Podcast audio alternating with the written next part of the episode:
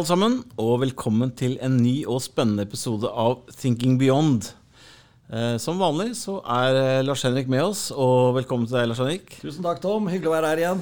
Eh, for å oppsummere litt hva som har skjedd den siste tiden, så er det vel eh, ikke så mye annet å si at børsene holder seg bra. De svinger selvfølgelig. Volatiliteten er jo, er jo der.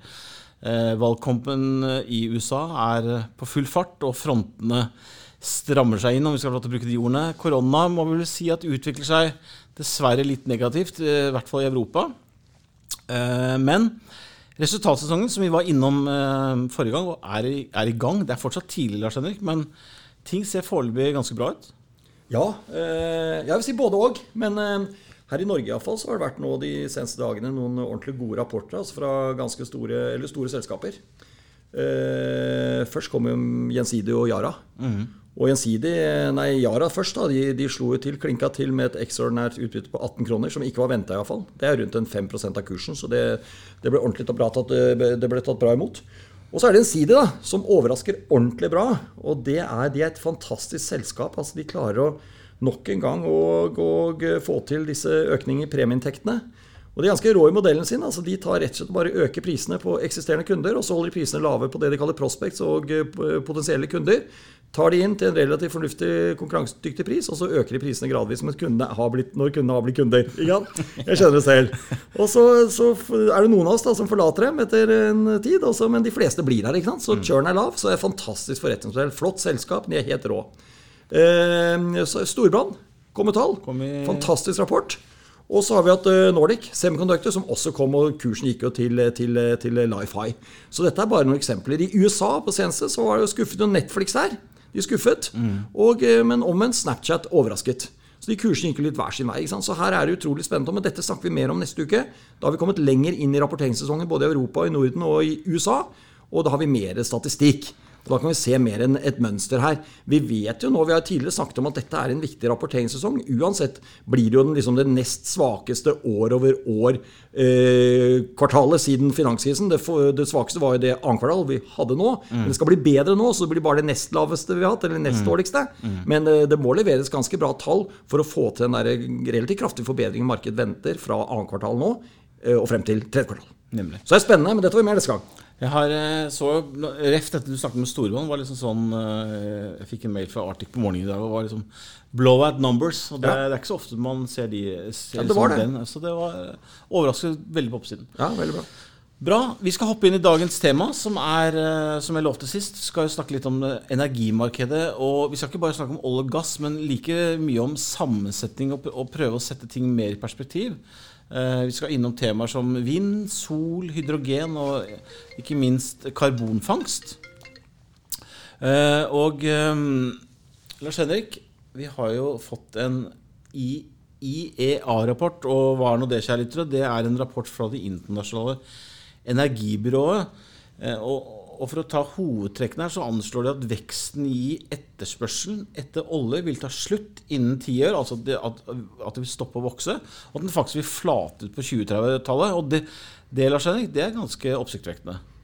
Ja, Uh, Oppsiktsvekkende, jeg vet ikke helt hva du mener, men det er langt fram i tid. Mm. ikke sant? I denne tiden når vi snakker om at nå skal Eller at veksten skal flate ut. Altså, mange tror det skal gå fort nedover herfra, Tom. ikke sant? Mm. Men det er IA da, som er liksom den eh, mest seriøse energibyråene og en voldsomt stor uh, organisasjon masse flinke analytikere. De, de sier nå at dette, nå fortsetter vi altså med en, med en vekst mm. neste ti årene. Og så, så, flater dette her ut, eller begynner å gå nedover en gang på midten av neste tiår. Mm. Det er mhm. ikke dette tiåret, men i midten av 30-tallet. Mm. Men det betyr også, Tom, at når vi kanskje står rundt 2040 eller 2045, så er vi tilbake på det nivået vi er i dag. Mm. Ikke sant? Så det viser liksom at vi skal kanskje 20 år fram i tid før du har liksom tatt av, liksom fått stoppet veksten, mhm. og tilbake der vi er i dag. Det er det IA sier. Og Hvis du ser tilbake historisk sett, eh, så har jo i snitt altså Du arresterer meg gjerne, men i snitt så har på en måte etterspørselen til olje steget med sånn rundt 1,5 million fat, kanskje i snitt de siste ja, så lenge jeg kan huske. i hvert fall. Ja, men det, det er riktig, det. altså. I den tiden vi har holdt på sammen, så har dette gått fra rundt 70 millioner fat om dagen opp til, opp til rundt 100. 100. Nå fikk det seg en ordentlig knekk. Nå i, nå i, disse, i dette koronaåret mm. som er nå, så vi ligger jo langt under trendlinjen. En del millioner fat. Eh, men, eh, men, det er helt riktig. Det er der vi, og det, og det, skal det fortsette å øke. Det er mange som ikke liksom liker helt å snakke om det. Det er ikke noe sånn populært å snakke om det, men altså, de, de kommende årene vil vi ha økt oljeforbruk i verden. Eh, selv om vi har alle disse tingene som skjer på vind og sol og elektriske biler og alt det greiene her. Sånn, men oljeetterspørselen, eller oljeforbruket, er på vei, vei opp. Mm. Og Tom, det har jeg liksom lyst til å eh, liksom knytte noen kommentar til. Da, for det er jo, dette er en ganske lang trend, Tom, hvor vi ser liksom at det er en sammenheng mellom selvfølgelig industriell aktivitet og velferdsveksten, uh, velstandsveksten globalt, men, uh, men, også befolkningsveksten. Og det er sånn at liksom, man i snitt så har man brukt sånn ca. fem fat olje per person per år i denne verden. Mm. Da tar du liksom det, den blenden eller miksen av alle folk som bor på denne jorden her. ikke sant? Mm. Så nå er vi en sånn 7,8 milliarder mennesker, og man bruker altså ca. fem fat i snitt per person. Så er det stor forskjell fra om det skjer i Afrika, India eller skjer i USA. Mm. Eh, USA bruker, Amerikanerne bruker et par og tjue fat per person, ikke sant? Olje, råolje, omdannet til produkt, da, men målt til råolje. Og i Afrika og India så er det rundt en, kanskje rundt et fat, mm. eller rett der over. Og, eh, men det er utrolig mange mennesker som bor i Afrika etter hvert, og mange i India, ikke minst, og Kina. Så det, liksom, det, det, summeres opp til ganske store tall, selv om per person-forbruket er ganske lavt. Mm. Men dette her er liksom Tom, dette her er utfordringen vi står i da. ikke sant? Det er at vi gjerne vil bli kvitt denne saken her med fossilt og olje og gass og kull, men så er det en sammenheng mellom økonomisk vekst og dette fossile forbruket vi snakker om. Mm. Og eh, FNs bærekraftsmål legger også veldig vekt på dette at vi skal fjerne fattigdom. Vi skal fjerne sult. Vi skal ha en velstandsutvikling som er bra over hele jordkloden. Men samtidig så, liksom, så, har vi det bakteppet her da, at vi er til nå har iallfall den økonomiske vek veksten vært drevet av fossile de, uh, kilder. Mm. Eller sources, sier jeg. Kilder. Og, uh, men samtidig så skal vi ordne opp i det her nå fremover. Uh, samtidig som du skal ha en, en velferdsbygging, og liksom, verden skal liksom dure videre. Mm.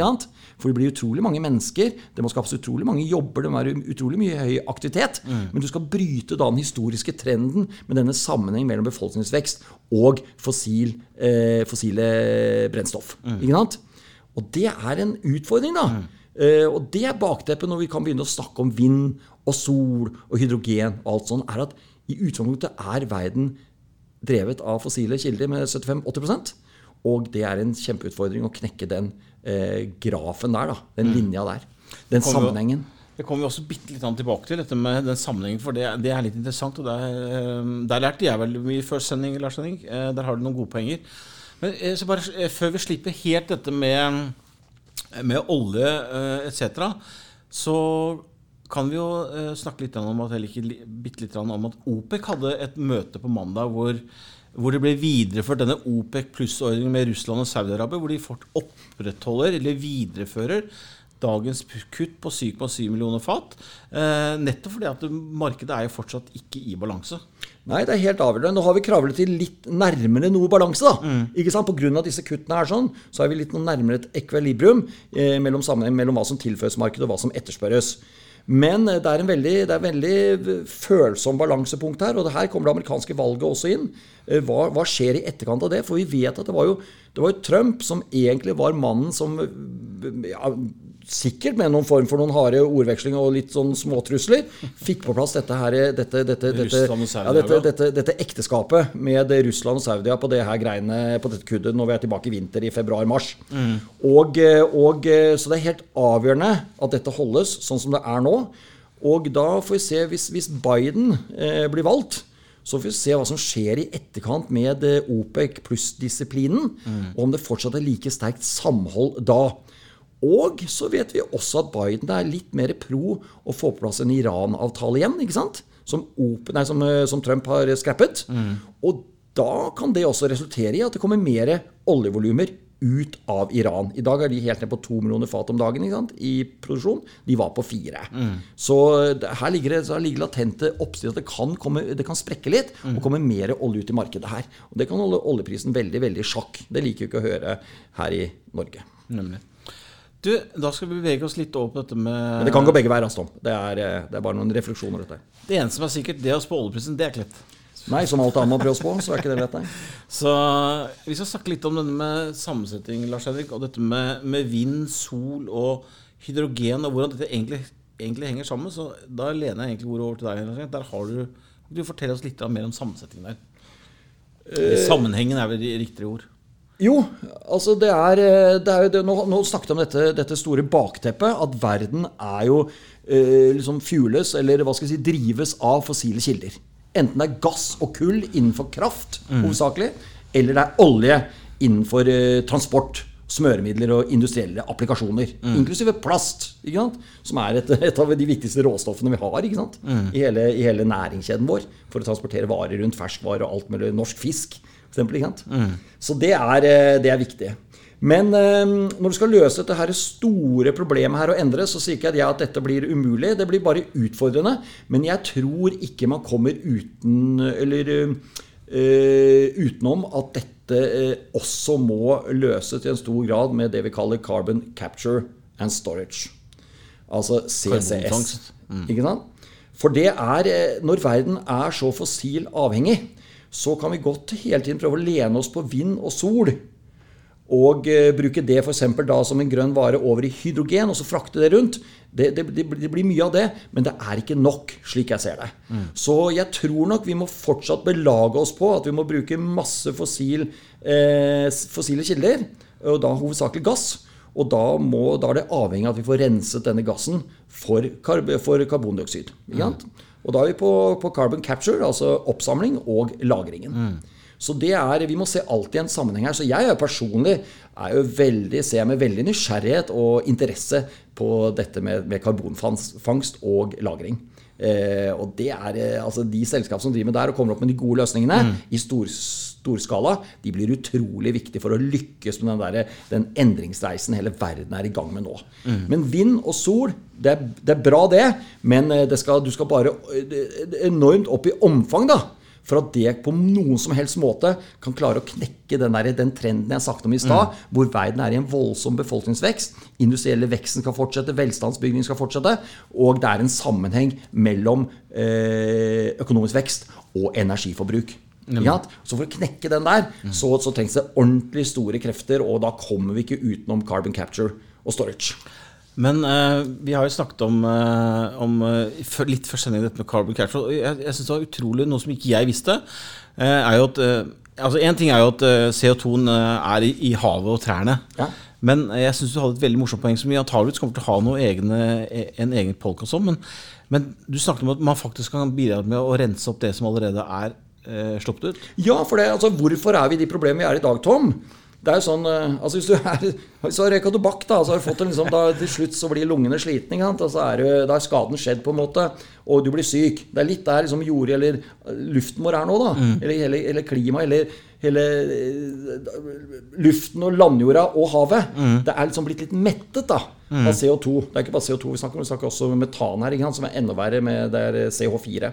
Og eh, det er, eh, så det er mange ting her, Tom. Og det med å kunne, kunne rense opp i gammel dritt eller gammel moro, det blir jo også veldig spennende å se om noen kommer på slike løsninger. Så altså ikke bare rense det vi nå Slipper skaper ut. og slipper ja. ut, men også ta tilbake, ordne opp i noe av det gamle problemet. da. Ja, det. Det vil være spennende. Og her er det jo noen som har prøvd med litt sånn store Vi ser sånne store løsninger som kommer fram forslag. Og eh, man skal ikke le av alt, men det virker som en veldig sånn vanskelig og håpløs oppgave. Men mange Reodor Felgen-løsninger vil komme på banen som ser smigrende ut og bra ut, men de kan jo vise seg å være helt Eller mange av dem vil jo bare være helt, helt eh, latterlig. Litt sånn morsomt. Nemlig. Men, og det ser vi litt tendenser i dag. Men eh, bevare meg vel. Det er min oppgave som forvalter. Jeg, jeg, jeg er åpen for alt. Jeg er nysgjerrig på alt som kommer. Men jeg har en liten forskjell for å få ordnet det problemet her. At vi må lykkes med karbonfangst og -lagring. Eh, det, er, det er noe av det spenn mest spennende temaet, syns jeg. Det kommer til å komme tilbake til i fremtiden også. Du, eh, Som vanlig Lars Henrik, så er du jo aktiv på LinkedIn. Og eh, du hadde en, eh, en artikkel som jeg grep litt fatt i her forleden dag, hvor du kommenterte, eller belyser eh, dette med det grønne skiftet og ser på det fra begge sider. Eh, og da er det sånn at NHH-professor Hansen hadde en interessant vinkling eh, på hva det kreves av ikke-grønne materialer for å produsere batterier. Eh, og der hva hadde du noen kommentarer til. Ja, altså professor Hannesson fra NHH. Han er jo en veldig kjent og dyktig ressursøkonom. Og man ville ikke gjort jobben sin i min posisjon hvis man ikke var nysgjerrig på alle sider. Dessverre er det en del som hopper av bare de leser ingressen i hva han skriver. For de føler at dette er en, en som snakker mot klimaendring og slike ting. Det er ikke det han gjør. Han sier bare vi må se på sammenhengen mellom den nye ressursinnsatsen vi nå gjør for å løse opp i problemet, at det ikke skaper et enda større problem. da. Nemlig. Det er det han strengt tatt sier. Så vi må ikke bare, vi må se på liksom hele totaliteten her. Og alle sammenhenger. Rett og slett regne litt på sakene. Bruke huet, sette oss tilbake litt og fundere litt og se gjør vi de riktige tingene. Gjør vi de mest fornuftige tingene. Dette er jo, en, dette er jo å bruke ressursene på best mulig måte. Da. Og da er det han sier f.eks. at per energienhet som du får ut av et gasskraftverk Hvis du skal ha ut det samme via et vindkraftverk, så bruker du 16 ganger så mye materialer målt i kilo. Og på, på solkraft så er det 30 ganger så mye. ikke sant? Og det her er viktig bare refleksjoner å ha.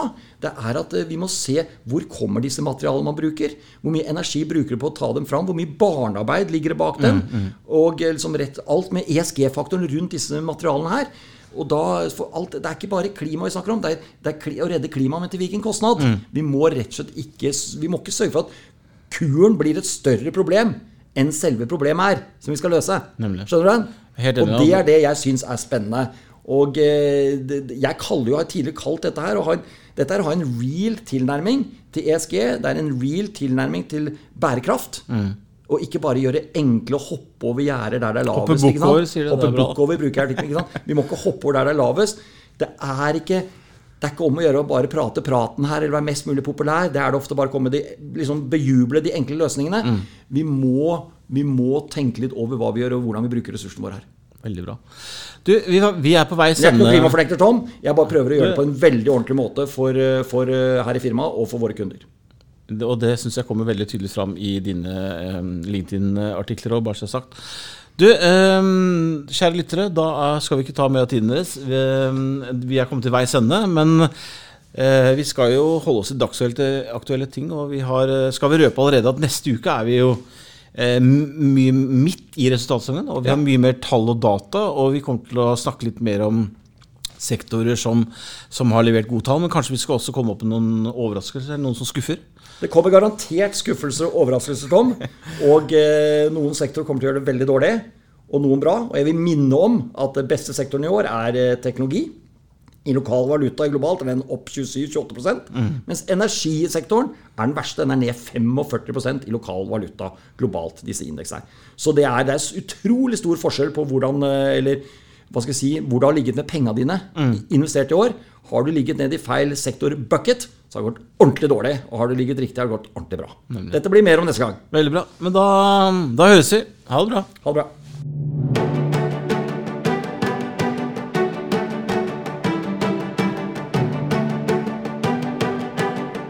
Du har hørt på Thinking Beyond, en podkast fra Formuesforvaltning.